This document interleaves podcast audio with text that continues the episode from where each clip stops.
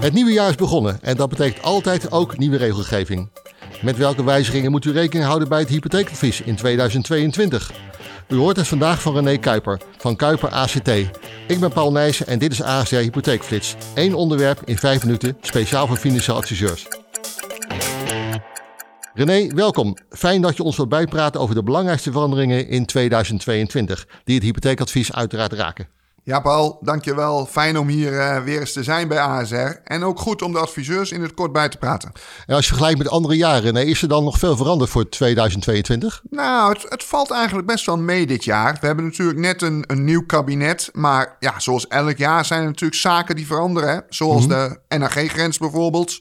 Maar er is ook al wel wat wet en regelgeving hoor, die is veranderd dit jaar. Ja, nou zullen we eerst maar beginnen met de NRG, wat daar de belangrijkste ja, wijzigingen zijn? Is prima, prima. NRG, uh, ja, die verwacht, uh, en dat, dat weten we allemaal eigenlijk wel, de gemiddelde huizenprijzen die stijgen behoorlijk. Zelfs naar 400.000 euro zelfs. En daar gaat NRG de kostengrens ook altijd op aanpassen.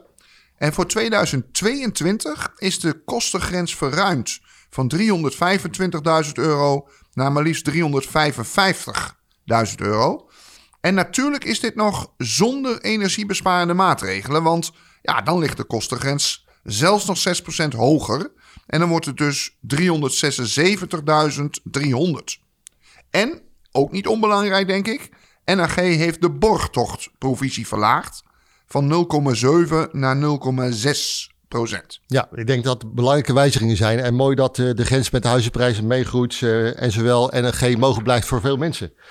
Um, heeft NRG nog het, een een en ander gewijzigd als het gaat om bijvoorbeeld de betaalbaarheid van de lening? Ja, dat, dat klopt ook wel. En met name wil ik wel aanstippen het bepa bepalen van de betaalbaarheid. En met name van mensen die in problemen zijn gekomen waar de lening in beheer zit.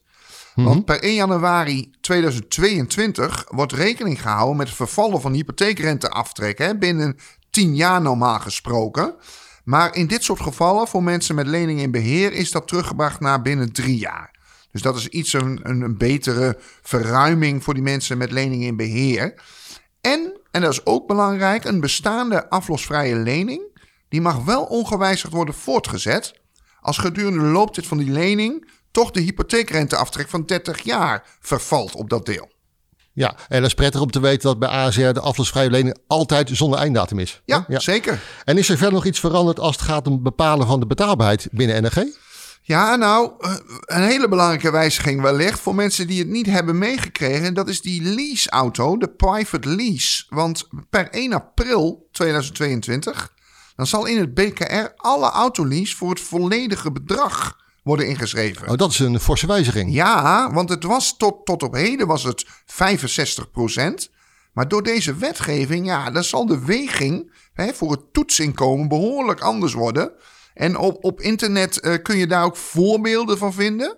Maar ja, je voelt het wel aankomen. Hè? Als je bijvoorbeeld 400 euro per maand betaalt aan leasen. Mm -hmm. Ja, en je doet dat vier jaar.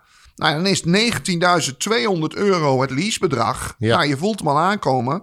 Als daar 65% in het BKR komt, of 100%, ja, dat gaat enorm een verschil maken. Ja, dat heeft forse invloed op de leencapaciteit. Absoluut. Ja, ja. Dus ik, ik zou de adviseurs ook willen wij uh, door willen verwijzen naar eventuele internetsite waar ze zo'n voorbeeld op kunnen vinden. Ja, en, en naast autolease heb je natuurlijk ook nog te maken met echtscheiding. Hoe is daarmee geregeld? Wat betreft de wijzigingen?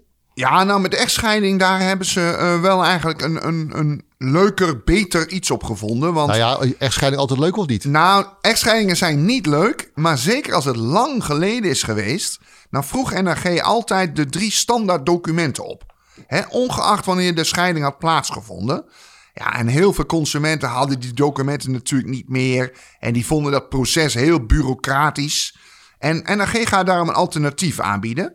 Wanneer een echtscheiding straks langer dan 12 jaar geleden is, dan is ook alleen een recent afschriftje uit de burgerlijke stand, samen met de meest recente belastingaangifte, voldoende om te bepalen of er nog, nou ja, voldoende hè, mogelijk is, of er nog alimentatieplicht is of dergelijke. Dus daarmee komen die andere twee, het echtscheidingsvonnis en het convenant, voor deze klanten te vervallen. Ja, dat zal voor een aantal klanten zeer welkome wijziging zijn. Ja, zeker. Hey, René, tot zover NNG.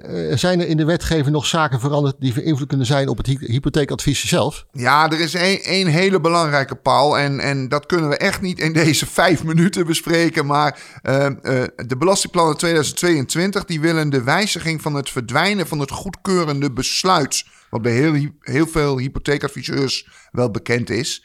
Daarvoor in de plaats komt namelijk een veranderende wetgeving. En dat heeft met name te maken met het aandeel in de eigen woningsschuld bij partners met diverse eigen woningverleners. En er zijn heel veel cursussen, webinars over geweest. Wij gaan natuurlijk ook samen nog wel weer een extra webinar organiseren. Want dit wordt wel een heel belangrijk onderwerp voor de adviespraktijk. Nou, en, en daarnaast, ehm, naast dit belangrijke wetswijziging, zijn er wat kleine aanpassingen. Bijvoorbeeld box 3. En er zijn weer nieuwe forfaitaire rendementen bekend geworden. Dus de grote wijzigingen die komen nog de komende jaren. Voor komend jaar een paar kleine wijzigingen. Oké, maar en dan even inzoomen op die wijziging in box 3. Uh, eh, wat kunnen adviseurs hun vermogende klanten bijvoorbeeld proactief nu al adviseren?